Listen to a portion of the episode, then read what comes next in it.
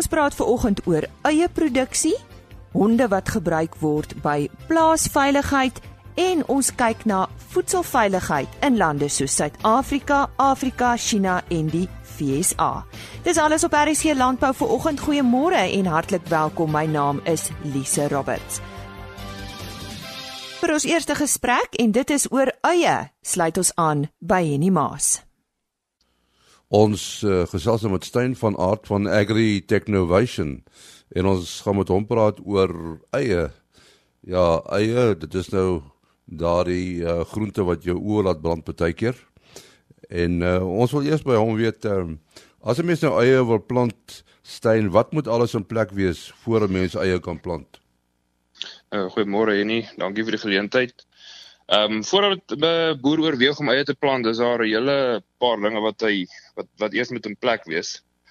Ehm um, soos een van die belangrikste vrae wat die boer vir homself moet vra is, het ek genoeg water om die oes suksesvol deur te trek? Want anderster word jy dalk met jou broek op jou knie gevang in die middel van die groeiseisoen en dan kom jy agter maar okay nou het ek nie meer genoeg water om die om die oes deur te trek nie want net net as ek 'n voorbeeld kan noem uh gewas soos aartappels gebruik tussen 500 en 600 mm water in 'n groeiseisoen en eie gebruik tot soveel as 750 mm water in warmer dele en tye van die uh, van die jaar. Um eie moet ook van die dag wat hy geplant word tot die dag wat die bolle getrek word derentyd besproei word waar 'n gewas soos aartappels eenmaal besproei word en dan vir die volgende 2 tot 3 weke totdat die halms deur die grond breek word en die regtig weer besproei nie. So ja, die die heel eerste vraag is, het ek genoeg water want jy wil nie jy wil nie in moeilikheid inhardloop met water nie. Die volgende komponent wat ek sou sê wat in plek moet wees is behoorlike voorbereiding. So ek sou sê dan gaan mens kyk na jou chemiese grondontledings en ek glo die meeste van Suid-Afrika se boere is wel bekend met hierdie proses.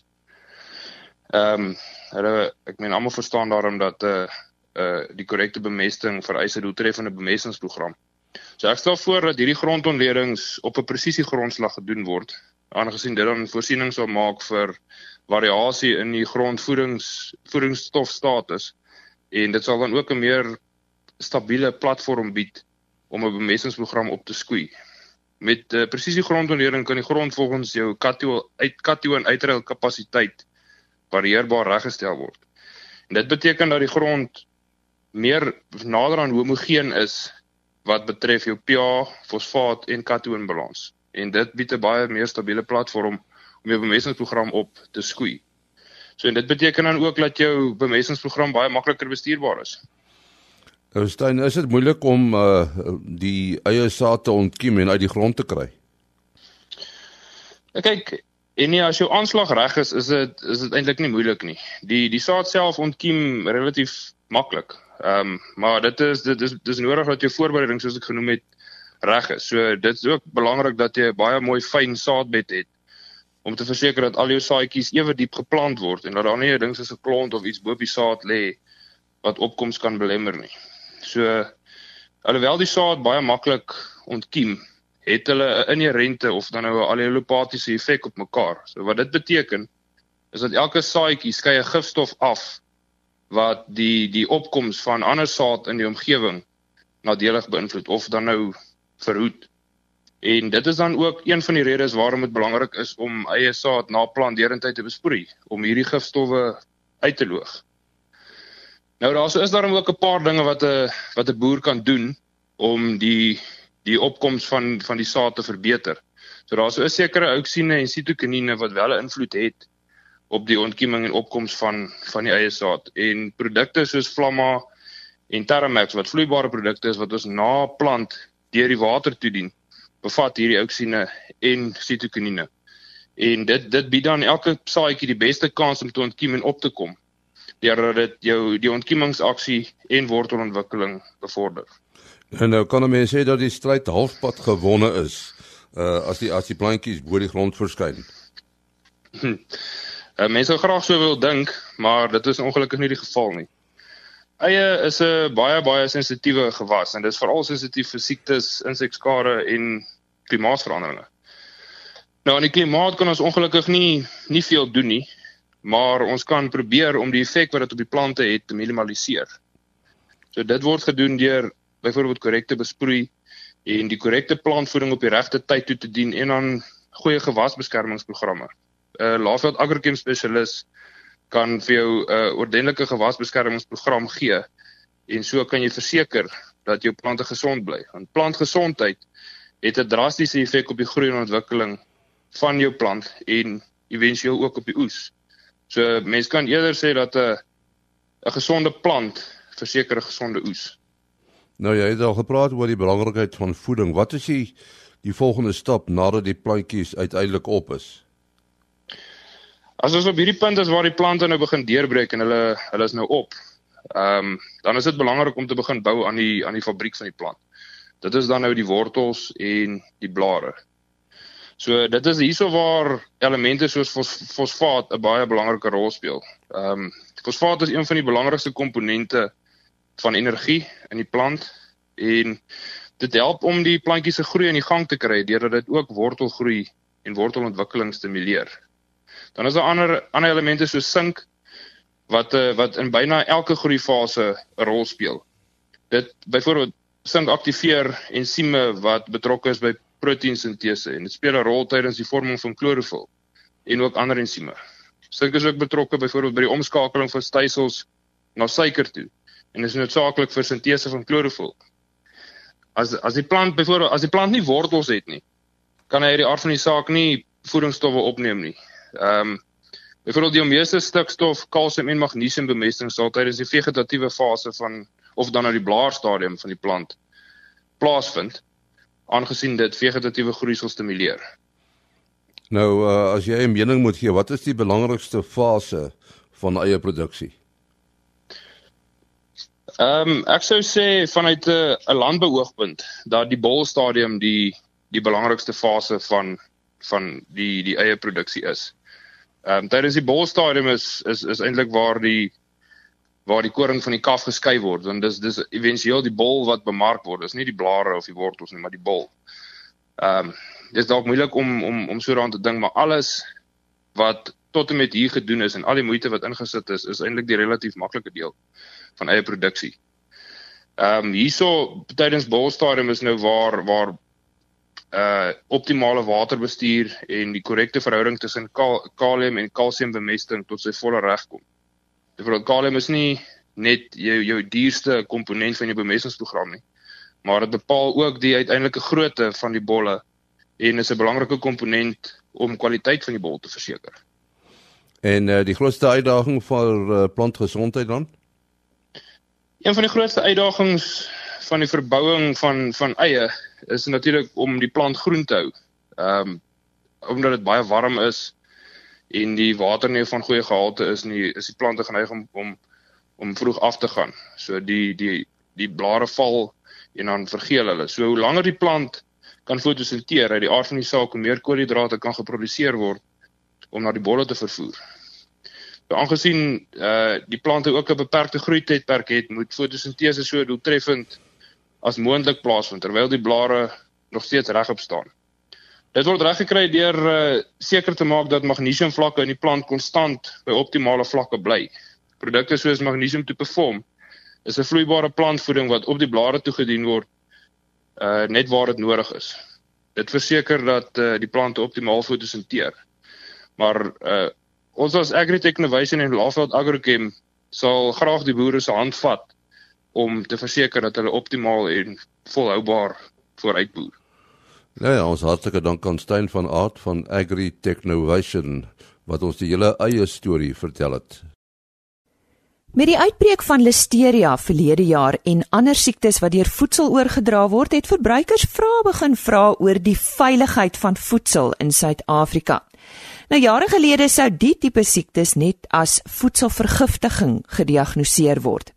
In die Augustus uitgawe van die tydskrif Farmbus verskyn 'n artikel oor voedselveiligheidskwessies wêreldwyd en hoe die identifisering en rapportering van spesifieke siektes ontwikkel het. En ek gesels nou met die skrywer van hierdie artikel, Ursula Himan. Ursula, ek sien nou wêreldwyd, maar met jou navorsing fokus jy op spesifieke lande, watter lande? Lisa, ek het besluit om te fokus op Afrika en Suid-Afrika en dan vergelyk ek so 'n bietjie die voedselveiligheidsstandaarde met die van die FSA, nie net omdat hulle 'n 'n eerste wêreld land is nie, maar ook omdat hulle uitstekende siekte rapporteringsstelsel in plek het. Dan gee ek ook kortliks 'n oorsig oor voedselveiligheid in China omdat hulle die wêreld se grootste uitvoerder van voedsel is. Nou, voedselveiligheid en die voorkoming van siektes wat deur kos oorgedra word, word al hoe meer gereeld bespreek, is ek reg? Ja, met so met so wat 600 miljoen mense wat jaarliks uh, beïnvloed word deur voedselkontaminasie, is dit beslis iets wat mense gereeld oor praat. Vanjaar het hulle um, die eerste internasionale voedselveiligheid konferensie gehou, as ook 'n opvolggeleentheid die internasionale forum oor voedselveiligheid en handel. Dit was gehou deur die Verenigde Nasies se Voedsel- en Landbouorganisasie as ook die Wêreldgesondheidsorganisasie um, en verskeie handelsorganisasies. Ehm um, tydens die funksie is gesels oor die feit dat uh, daar beter internasionale samewerking nodig is om aanhoudend voedselveiligheid te verbeter. Wat interessant is van Afrika is dat voedsel wat uitgevoer is gereeld veiliger is as voedsel wat vir plaaslike gebruik is. Die rede hiervoor is ehm um, dat befondsing vir die verbetering van voedselveiligheid in Afrika gereeld van westerse lande afkom en dis meestal fokus op uitvoerstandaarde eerder as plaaslike standaarde. 'n Ander faktor wat Afrika se voedselveiligheid benadeel is 'n gebrek aan wetgewing. Ons kan uh, mikotoksine vat as 'n voorbeeld. Slegs 8 lande in Afrika het regulasies vir die gevaarlikste soort mikotoksine, naamlik aflatoksien. Um, in Januarie vanjaar was daar aflatoksine gevind in 'n bekende grondboontjie botter in Kenia. Gevolglik was daar 'n opskorting in plek gestel en teen April was die produk weer as veilig geag, maar as daar beter regulasies was, sou die teenwoordigheid van die aflatoksien baie vroeër in die waardeketting opgespoor geword het. Kan ons 'n bietjie meer in diepte oor ons land Suid-Afrika gesels? Ja, Suid-Afrika het in die verlede sy eie probleme met mikotoksine gehad, maar tans is ons 'n leier in Afrika wat streng wetgewing het en dit word ondersteun deur monitering van die Suid-Afrikaanse Graanlaboratorium. En soos almal weet, is Suid-Afrika teen verlede jaar September het hy sy stryd teen listeriose oorwin nadat daar 'n uitbreking in Oktober 2017 bevestig is. Daar was sowat 1000 mense wat siek geword het hiervan en 183 mense wat oorlede is. Dit word geag as die grootste uitbreking van listeriose ter wêreld. Ehm um, die oorsprong van die uitbreking was toe gevind by een van die Tiger Brands fabrieke en hierna het hulle um, hande geneem met die Universiteit van Stellenbosch om Suid-Afrika se eerste sentrum vir voedselveiligheid te stig. Ehm um, dit beteken dat Suid-Afrikaanse voedselveiligheid in die toekoms beter ondersteunings sal hê van hierdie sentrum. Ja, dis goed om te hoor. Nou beweeg ons bietjie na die FSA toe. Hoe lyk sake daar, Ursula? Ehm um, alhoewel die FSA steeds talle voedselveiligheidsgevalle rapporteer, beteken dit nie noodwendig dat hulle swak standaarde het nie, maar dit is eerder 'n aanduiding van hulle uitstekende siekte rapporteringsstelsel. As 'n mens sommer net so vinnig op die internet kyk en inligting soek oor voedselveiligheid in die land, sien mens vinnig dat daar gereeld produkherroepings is. Voorbeelde van gevalle wat laas jaar plaasgevind het, sluit in uh, E. coli uitbrekings op blaarslaai, salmonella op rooi vleis en vanjaar was daar ook E. coli op kaas gevind in Amerika. Maar te danke aan hulle goeie siekte rapporteringstegnologie is hierdie uh, produkte suksesvol uh, by van die rakke afgehaal voor dit te veel mense benadeel het. Um, ek kan 'n voorbeeld gee waar hulle genomiese bepaling gebruik om vas te stel presies watter patogene verantwoordelik is vir 'n uh, kontaminasie in 'n produk en hierdie kan dan uh, naspeer word terug na die plaas waar dit eintlik vandaan kom. So dit is definitief iets waarna Suid-Afrika ook streef. Nou kom ons beweeg bietjie China toe. Hoe lyk dit daar? China is gereeld in internasionale nuus as gevolg van gevalle van voedselbesmetting, maar hulle het die afgelope paar jaar um, hard gewerk om beter wetgewing in plek te stel wat hopelik die voedselveiligheid sal verbeter. En um, dit sal hopelik ook mettertyd hul siekte rapporteringsstelsel verbeter want voorheen was gevalle van voedselbesmetting eers gerapporteer nadat dit reeds talle mense siek gemaak het of selfs dood veroorsaak het. Ursula, uh, dit was lekker om met jou te gesels oor voedselveiligheid in die wêreld en is goed om te weet dat uh, ons nie ver agter is nie alhoewel ons nog heelwat het om te doen en te leer. Maar om jy af te sluit, hoe belangrik is siekte rapportering? Mens kan sien dat siekte rapportering is belang uh, dit speel 'n belangrike rol in die voorkoming van uitbrekings en tegnologie speel ook 'n belangrike rol hier. Byvoorbeeld in Amerika was daar ook verlede jaar 'n parasietuitbreking in blaarslaai gevind wat voorheen net um, as 'n on onidentifiseerbare maaggogga sou gesien geword het, maar um, omdat die die toets toe in 2014 goedgekeur was om 'n vertroubare uitslag te gee, kon hulle vasstel dit is eintlik 'n parasiet. En voorheen sou sou dit net gesien het as 'n weet 'n maaggriep of iets.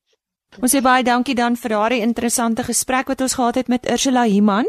Sy het in die uh, Augustus uitgawe van die tydskrif Farm Biz 'n artikel geskryf oor uh, voedselveiligheid en sy het na verskeie lande gekyk soos China, Afrika, Suid-Afrika natuurlik en ook die VSA. Hierdie tyd van die jaar is landbou op en wakker en aan die gang en daar is heelwat wat veral in September gebeur. Nou een van hierdie belangrike gebeure op die landboukalender is natuurlik Nampo Kaap. Dit vind vanaf 4 tot 6 September plaas by uh, Bredasdorp Park op Bredasdorp.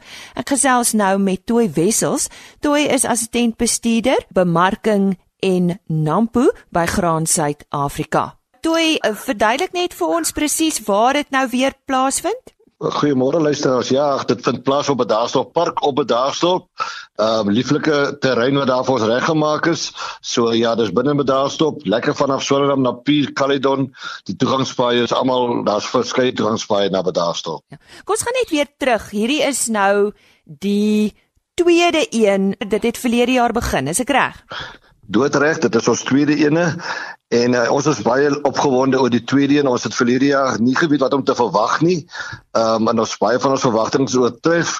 Ons het baie goeie moeilikhede gehad soos te min parkering, die hekke wat te min was. Ons het dit almal aangespreek en ja, vir 2019 is ons reg met 5 uh, hekke, oorgenoeg parkering, genoeg kiosks en ons het ook toilette aangebou deur die jaar. Mm.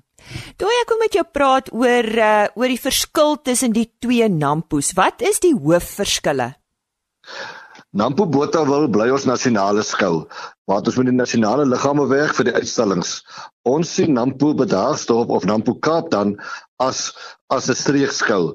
Uh die probleem is baie baie keer as Nampo Botawil aan die gang is, dan plant ons Wes-Kaap en Suid-Kaap se boere nog so hulle kan nie Nampo Botawil bywoon nie. Daarom het ons besluit om dit met haas op toe te neem um, in hierdie tyd van die jaar wanneer hulle dan nog nie weet begin oes nie en redelike stiltyd by hulle is. Die boere verskil ook, hulle praktyke verskil, hulle gewasse verskil, so fokus julle ook daarop. Ja, beslis. Ons het by Bedaarstop tydens Nampo Kaap meer 'n familiegevoel. Um, ons het 'n paar wynstalletjies daar, ons het 'n lekker blomme uitstalling.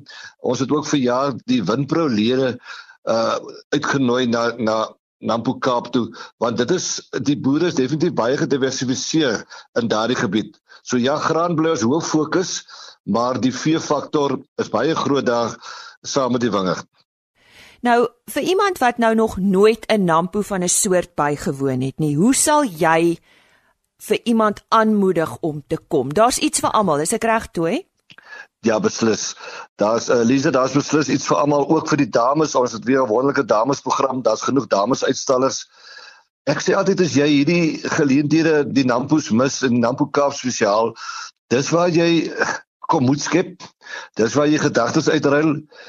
Daar gaan oog genoeg nuwe tegnologie wees want ons wil fokus daarop dat um, ontwikkeling, groeiende geleenthede en ware toevoeging vir elke besoeker moet daar moet wees en die weer speel natuurlik ook 'n baie groot rol in die Kaap. So ons hoef nie bekommerd te wees dat ons gaan pap nat reën nie.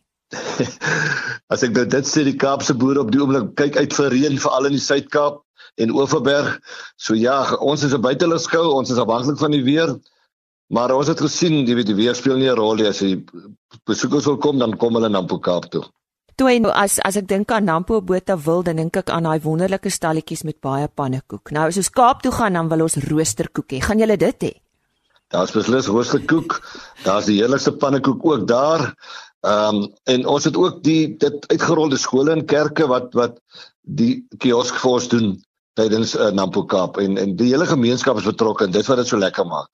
Het jy 'n paar hoogtepunte wat jy met ons kan deel? Is daar weer gespreksgeleenthede ensovoorts? Ja, beslis Elise, na sy gesprek is daar uh met jy weet ons gaan 'n bietjie praat oor die landbou se toekoms in die Wes-Kaap. Ons gaan 'n bietjie wingerd praat. Ons gaan oor plaasveiligheid praat by na sy gesprek. En dan vir die eerste keer vir jaar saam met Omnia Landbou Weekblad neem ons die boereplanne ook soontoe. En ons is baie opgewonde ons het 'n paar lekker inskrywings gekry. Dis iets nuuts. Dat ons ook kyk wat se boereplanne die Wes-Kaap en Suid-Kaap se boere vir ons gee.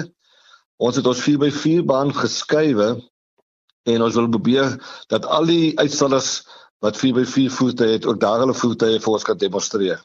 Op die oomblik lyk ons proefpersele wat die mense verskillende variëteite, verskillende bewerkingsmetodes, verskeie kunsmistoedienings of chemiese toedienings gedoen het in 'n pragtige toestand. So ons wil vir die mense fisies wys, ehm um, nie net jy weet op 'n skerm nie, maar ook die saadplotte is is is regtig op die oomblik in 'n baie goeie toestand. Kom ons gesels om jy af te sluit oor die logistieke dinge. Hoe laat uh, open die park in die oggende en uh, wanneer sluit dit en hoe werk die kaartjieverkope en dan net weer daai belangrike inligting wat nodig is om deur te gee, toe? Dis baie belangrik die die mense kan op die Nampo Kaap webblad uh, www.nampo.co.za kan jy gaan, daar's al die inligting. Ehm um, jy sien daar's twee teeltjies, is Nampo vir 2020 op Botawil, maar daar's die 2019 een van Bedaarstop, so jy maak hom oop. Al die inligting is daar, al die programme is daar. Um, ons hekke maak soggens 8 uur oop, 5 uur saans toe. Ons kaartjies is by Ticketpro op hulle webtuiste beskikbaar. En luisteraars moet weet, dis R10 goedkoper om dit aanlyn te koop as by die hekke, maar daar sal elke dag by die hekke by al 5 toegangshekke sal 'n paar toegangskaartjies te koop wees. En dis elke dag dieselfde prys? Elke dag dieselfde prys, ja. Nou ja, moet dit nie misloop nie, 'n groot hoogtepunt veral as u weet hoe suksesvol Nampo op Botawil jaarliks is. En hierdie soos ons gesê het, is die tweede gebeurtenis Nampo Kaap daar op Predasdorp. En net weer die datum is 4 tot 6 September en besoek gerus die Graan SA webtuiste. Dit is www.grainsa.com www.co.za en ek het daar gekyk, daar is 'n maklike skakel wat jy ook dan uh, help vir met meer inligting en ook hoe om kaartjies te bekom. www.grainsa.co.za en ek het dan daar met Toy Wessels gesels. Hy is assistent bestuurder bemarking en Nampo. En om jy af te sluit vir oggend 'n gesprek oor 'n man se beste vriend. Ons uh, gesels vanoggend met Nelia Pinaar uit Swaziland. En die rede waarom ons met haar praat is uh omdat hulle 'n uh, stelsel met honde ontwikkel het om plaasveiligheid te verbeter. Vertel ons daarvan Nelia, uh wat is soort honde werk julle mee? Ons werk hoofsaaklik met bloedhonde en Belgiese shepherds of die Malinois. Die bloedhond is basies 'n neus met 'n onder, ondersteuningsstelsel. Die voue en die oortollige hare en die baie speeksel bevorder die behoud van reuk en dan as die hond sy kop laat sak grond toe, dan vou die lang ore om die neus en dit vorm heeltemal 'n kegel wat die hond beter daartoe in staat stel om reuk te volg. En die Malinois? Die Malinois is nou baie populêre hond. Hy is um maklik opleibaar. Hy's baie gehoorsaam, maar omdat hy 'n herdershond is, sal hy op 'n spoor anders optree as 'n bloedhond wat 'n hound is. Ja, jy praat so van 'n spoor. Eh, so jy gebruik die honde om spore te volg. Ja, ons definieer dit as man trailing. Ehm um, baie boere sal meer bekend wees met die ou tydse trekking waar daar van die hond verwag word om sy neus te plaas presies waar die mens se spore en waar sy voetspoor neergesit is. Maar ons honde word gebruik ons hulle natuurlike instink om te jag om dan nou net die persoon te volg wat ons hulle aanwys deur 'n reukartikel en dan kan die hond nou die reuk volg waar dit ook al in die grashalmpie of in die blare of in die voetjie langs die pad lê. So ons honde is daartoe in staat om ouer spore verder te volg want hulle gebruik hulle natuurlike jaginstink. En en as jy nou by water kom of as dit nat is? O, dis voordelig vir reuk. Ons hou daarvan as dit vogtig is. En selfs 'n rivier is 'n hond in staat om in die rivier die die reuk amper te proe soos die vet van jou vel die, of die olie van jou vel op die water lê, dan proe die hond amper die reuk en is vir hom baie voordelig as daar vog is om deur die rivier te hardloop en die reuk te kry. So so julle werk op die oomblik in in Swaziland. Is daar boere in Suid-Afrika wat ook van die honde gebruik? Ja, ons het 'n pilot station in uh, Suid-Afrika. Ons glo dat um vure en misdadigers is nie gepla oor grensdrade nie. So dis tot ons voordeel om die gemeenskappe om ons ook te beskerm. En ons het twee honde wat geplaas is op 'n op 'n boer se plaas in 'n gemeenskap en hulle het nou al 20 missions of uh, operasies gehardloop in die laaste 4 maande. Hoe ver kan uh, so 'n hond die spoor volg? Uh dit hang af van die hond se fiksheid en die terrein. Ons het al 'n hond gehad, Rex, hy was 'n Doberman en hy het 'n spoor van 20 km in die middel van die nag gehardloop. Ja, en en uh, die terugvoer wat jy van die boere afkry, hoe is dit? Baie goed. Ehm um, die boer in Suid-Afrika wat die hond op sy plaas het, het nog nie enige brandstigting op sy plaas gehad hierdie jaar nie.